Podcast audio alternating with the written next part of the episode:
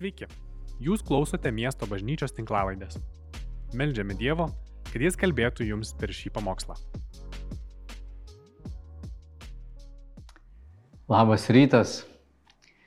Šiandien yra motinos diena ir noriu pasveikinti visas mamas, kas esate Klaipėdoje ar Vilniuje, Kaune, o gal kitose miestuose ar net kitoj šalyje žiūrit, mielos mamos, sveikinu Jūs su motinos diena. Tai yra diena, kada mes norim prisiminti Jūsų triūsą, Jūsų pasiaukojimą, Jūsų praleistas valandas, Jūsų rūpeščius, um, didžiulę, na, didžiulį meilės darbą, kurį Jūs darot ir tai, kas yra jumise įdėta Dievo, norisi šitas savybės švesti, būtent ma, mamos pasiaukojimą, būtent tą tokį rūpestį, kurį jūs taip a, gražiai rodot savo vaikams.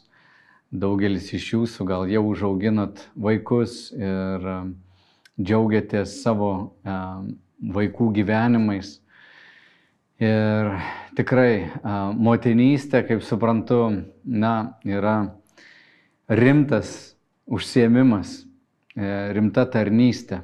Ir norisi šiandieną jums tiek padėkoti, tiek ir, ir um, pasidžiaugti jumis ir norisi labai padrasinti jūs, um, kad jūs kaip mamos, na, tikrai galėtumėt džiaugtis savo motinystę.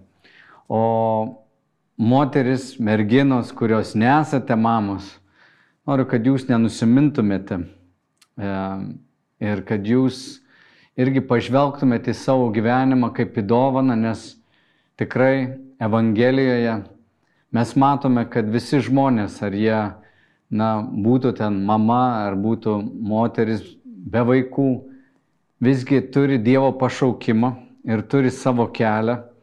Ir mūsų na, gyvenimas galiausiai priklauso nuo paties viešpaties, nuo jo mums duotų galimybių. Ir norisi, kad šiandien visos jūs būtumėt padrasintos. Kai galvoju apie šeimą, šiandien man akise iškyla statistika, kurią neseniai skaičiau, kad gimstamumas Lietuvoje mažėja ir tai kelia susirūpinimą, kai kurie politikai net kalba apie mūsų tautos išnykimą. Ir šiaip žvelgiant į vakarų pasaulį, akivaizdžiai matoma, kad na, sekularizmas, kuo mažiau religijos yra tautose, tuo daugiau individualizmo. Iš tiesų viena iš tokių pamatinių priežasčių, kodėl šiandien jauni žmonės nenori turėti šeimos, susilaukti vaikų, yra tas na, pasiaukojimo elementas. Ir, na, ir vilties galbūt neturėjimas. Tai čia tokie du dalykai yra daugybė turbūt priežasčių, bet viena tikrai labai daug girdim apie tai, kad žmogus yra vertas nuspręsti, kokio gyvenimo jis nori, pasirinkti savo kelią ir rasti savo karjerą, daryti kažką, kas jam yra miela jo širdžiai. O šeima dažnai atrodo kaip apribojimas, pasiaukojimas vaikams, bemiegės naktis, daug metų tokios tarnystės, nedaugam šiandien e, skamba patraukliai. Taip pat kai kurie jauni žmonės vis labiau kalba apie tą pasaulį, kurį vaikus atrodo pagimdysim ir čia yra ir karų, ir visokių pandemijų, ir planetos ateitis neaiški ir atrodo gal mes čia turim per didelę populaciją apskritai Žemėje. Taigi žmonės turi įvairių priežasčių, gal net ir pasirinkimų, kodėl jiems nepradėti šeimos, ne, nesusilaukti vaikų. Bet dar vienas dalykas, aš galvoju, daugelį merginų gali gazdinti netgi iškilę tokie lūkesčiai mamoms. Aš kaip pamastau, kas šiandien tikimas iš mamų, tai, na, jos atrodo turėtų būti tos, kurios augina vaikus, juos auklėja. Šiandien pagal įstatymą net nebegalim mažų vaikų jau palikti, anksčiau kažkaip paprasčiau galėdavo, atrodo, net palikti, dabar jau tai yra pri, įvardyjama kaip nerūpestis, e, sukelimas pavojaus vaikui. Žinoma, gera mama negali leisti vaikui sėdėti prie ekrano visą laiką. Bet gera mama turėtų taip pat būti ta, kuri kuria savo karjerą, jinai turėtų eiti dirbti, um, ji turėtų na, namuose sukurti gerus namus. Mm, aišku, gera mama turėtų būti graži. Uh, graži tokia, kad na, būtų idealu, kad nesentų. Ir jeigu mamos vat, pagimdė vieną kitą vaiką ir ten jų kūno formos pasikeitė kažkas, tai irgi nelabai jau toleruotina, reiktų, kad būtų tokia, kokia buvo. Žodžiu, kad nebūtų nuostolių. O visa tai kainuoja. Uh, jos turėtų būti gražios, turėtų gerai gaminti, valgyti. Mamos turėtų gaminti ne šiaip savo maistą tokį, kad pilvus užkimšti vaikams, Man atrodo, šiandien, kai pasižiūrim, kiek laidų yra mamos, jūs turėtumėt gaminti kaip Gordonas Ramžis, na, kažką tokio gurmaniško, tikrai ne, neįprasto, ne, ne, ne kiekvieną dieną tas pačias košės ir sumuštinius. Kažką reiktų, na, reiktų kurti, turėtumėt jūs atsiskleisti kažkaip virtuvėje vis labiau ir labiau ir labiau. Žinoma, namus būtų gerai, kad sutvarkytumėt, bet ne šiaip savo sutvarkytumėt, būtų idealu, jeigu jūs na, galėtumėt papuošti juos, na, kad turėtumėt ir dizainerio gebėjimų, kad galėtumėt juos jaukius padaryti. Na, taip pat reiktų, žinoma, jums pasirūpinti ir vyrų, e, ir jį aprūpinti, kad jis grįžęs galėtų ilsėtis.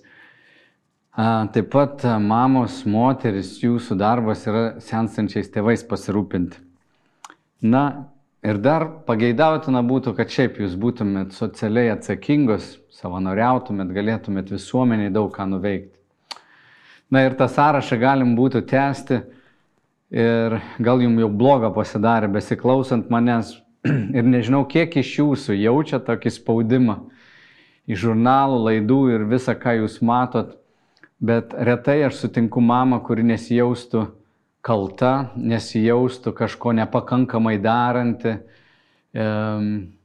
Ir lūkesčiai, man atrodo, yra antiek sukilę, kokios jūs turėtumėt būti, na, kad būti mama šiandien nesinori. Na, tarkim, aš taip asmeniškai pasakysiu nuo savęs, aš džiaugiuosi būdamas vyru.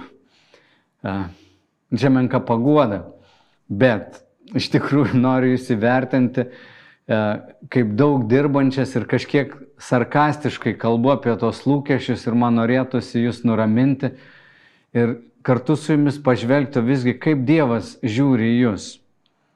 Manau, kad mamos apie jūs galim būtų pasakyti taip, kad jum rūpi daugybė dalykų. Jūs rūpinatės labai daug ko ir šiaip moters, na, gyvenimas yra toks uh, pilnas visko moters smegenis, aš net norėčiau, kad jūs pažiūrėtumėte, čia Markas Gangaris kažkada apie moters smegenis kalbėjo, tai sako, yra vat kaip toks laidų kamolys. Pas jūs viskas yra susiję, ten tiek daug visko vyksta, kad jums susitelkti, susikaupti yra labai sunku. Iš tikrųjų, jūs turit gebėjimus dažnai apriepti ir matyti tiek daug dalykų. Mums vyrams kartais net vieną dalyką suplanuoti atrodo yra iššūkis bet jūs um, gebat labai daug, daug apriepti. Ir atrodo, Dievas davė jums tą tokį ypatingą rūpestį. Motinos turi tą rūpestį matyti vaikus, jausti juos, na ir labai daug ko pasirūpinti.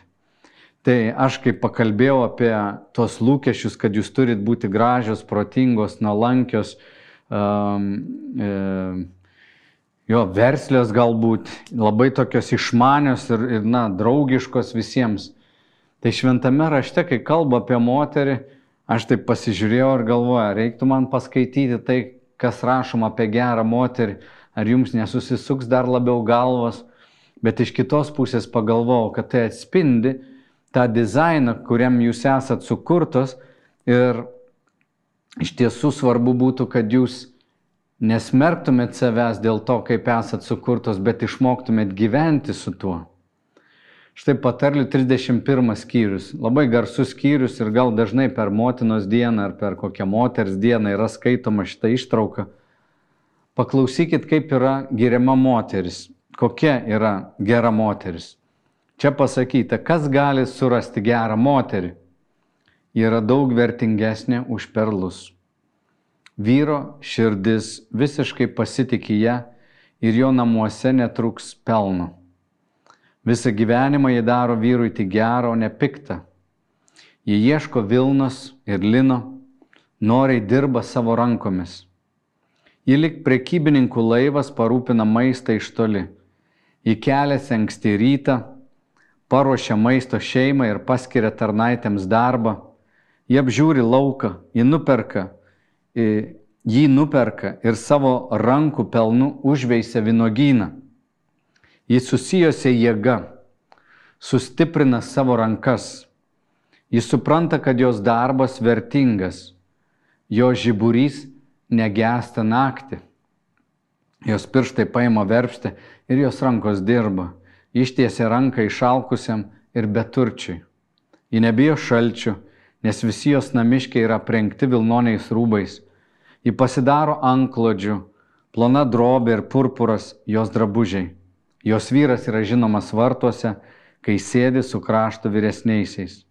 Ji audžia plonų drobių ir parduoda, pristato juos juostų pirkliams. Ji apsirengusi stiprybę ir grožiu, linksmai žiūri į ateitį. Ji kalba išmintingai ir ant jos liežuvio švelnus pamokymas. Ji prižiūri savo namus ir nevalgo tinginio duonos. Jos vaikai pakyla ir vadina ją palaimintą ir jos vyras giria ją. Yra daug gerų moterų, bet tu pranoksti jas visas. Žavumas apgauna ir grožis praeina, bet moteris bijanti Dievo bus giriama. Duok jai jos rankų vaisių ir jos darbai tegul giria ją vartuose.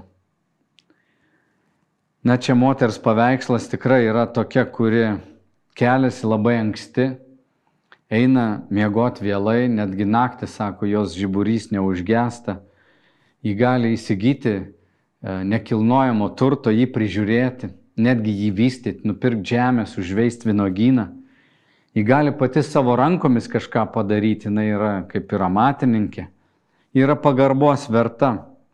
Um, ji yra apsirengusi stiprybę, grožių, yra optimistiška, žiūri linksmai į ateitį Netgi vaikai ją vadina palaimintą, žodžiu, ją visi gyrė. gyrė. Ir, bet paskui pabaigoje, žiūrėkit, kai skaitom visą tai, tai gali jums didesnė depresija sukelti negu žurnalas žmonės.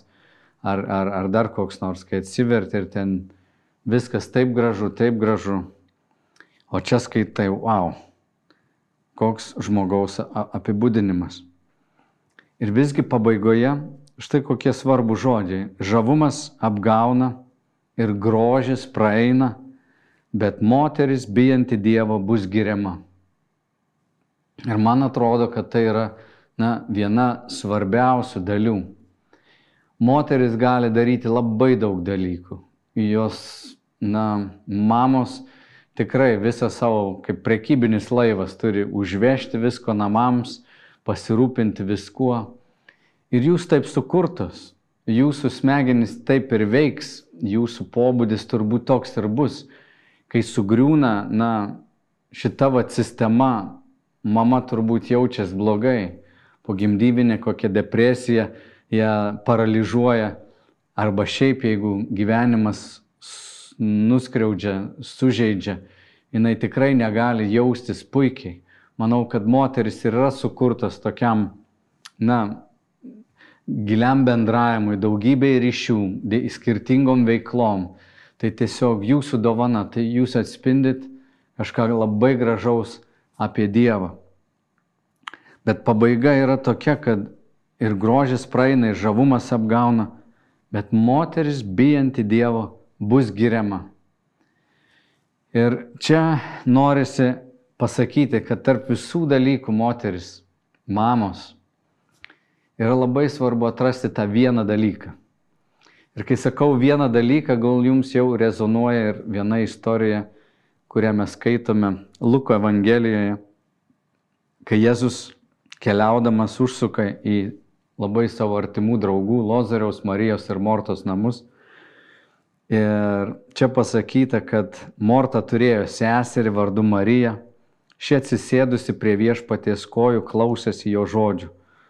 O Morta rūpinosi visokių patarnavimų ir staptelėjusi pasiskundė. Viešpadė, tau nerūpi, kad sesuo palieka mane vieną patarnauti. Pasakyk jai, kad man padėtų.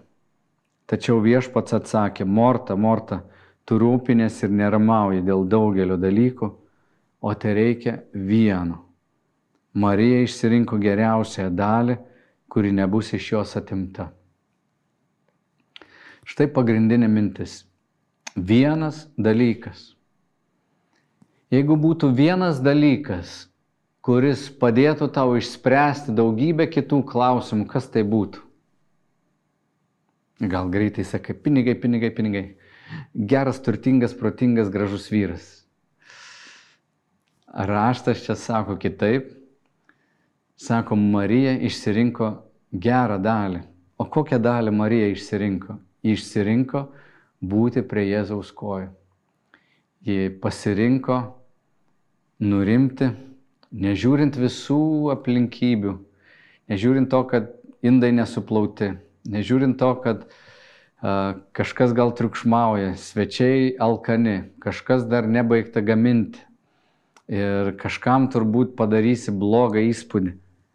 Moters natūrali reakcija, mamos turbūt būtų tokia viskuo pasirūpinti, kol namai nebus švarus, aš negalėsiu ilsėtis, aš negaliu pabėgti, aš negaliu, aš negaliu, aš negaliu, kol galėsiu, o galėsiu kada? Na, kai visi išeis, kai viskas bus sutvarkyta, gal tada galėsiu, bet tada krenti į lovą ir esi kaip negyva. O Jėzus sako, Marija padarė sprendimą tarp visų daugybės dalykų, ką reikia padaryti, kas niekada nebus baigta. E, projektai, dalykai, kurie, na, atsinaujins vėl ir vėl ir vėl. Vėl reikės gaminti, vėl reikės plauti indus, reikės kažką tvarkyti, kažkam paskambinti, kažką paguosti, kažkam nuvežti, kažką parvežti. Visada bus reikalų, visada.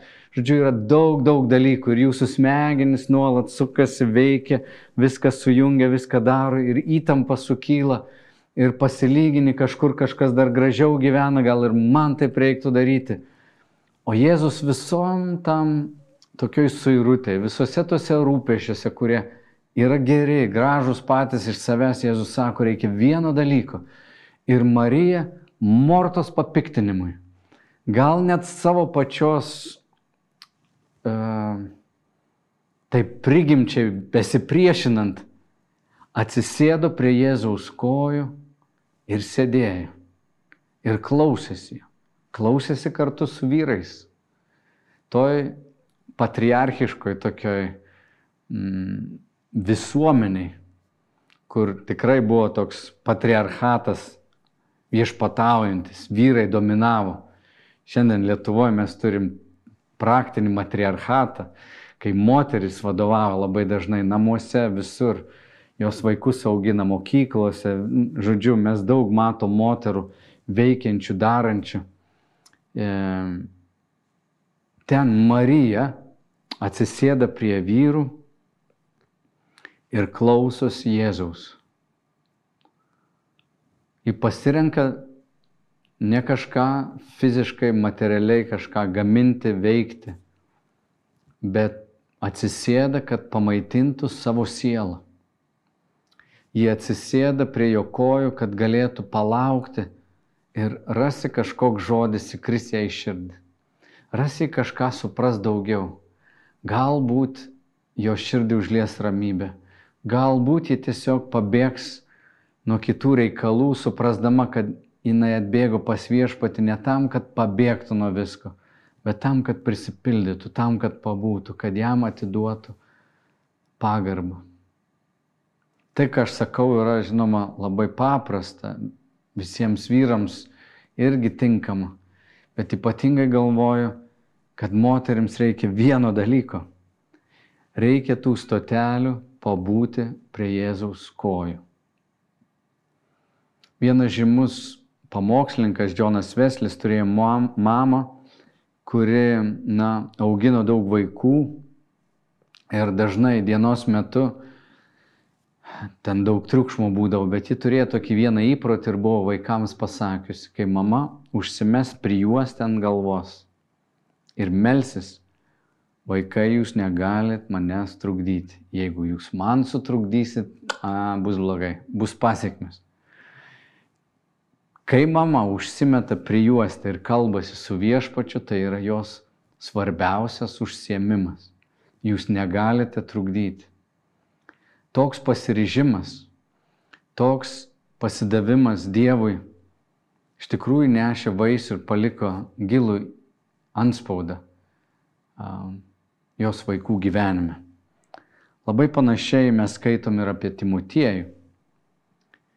Apaštalas Paulius taip džiaugiasi Timotiejaus gyvenimo kokybę, sakydamas apie jį, kad Timotiejau, tu esi man, na, sunus tikėjime. Sako, Timotiejus yra tas, kuris uh, rūpinasi Jėzaus reikalais labiau nei visi kiti. Kiti rūpinasi savo reikalais, bet jis su manimi tarnavo lik su tėvu, lik sunus padėdamas tėvui. Ir kai jisai rašo du laiškus, jie skirti ganytojam, Timotiejus tapo ganytoju, pastoriumi, e, pirmas ir antras laiškas užsimena vat, apie Pauliaus ir Timotiejaus santyki. Ir pirmame laiške, pirmas skyrius, penkta eilutė sako, įsakymo tikslas yra meilė iš tyro širdies, geros sąžinės ir nuoširdaus tikėjimo. Paštalas Paulius sako, kad vienas svarbiausių dalykų, įsakymo pats tikslas yra meilė, kuri kyla iš tokios tyros širdies ir geros sąžinės. Ir jis tam Timotiejui sako, kad visi tie dalykai yra tavyje. Antrame laiške jisai sako, aš prisimenu tavo nevaidmainišką tikėjimą, kuris pirmą gyveno tavo senelėje Loidėje tavo motinoje Eunikėje ir esu įsitikinęs gyvena ir tavyje. Tikėjimas.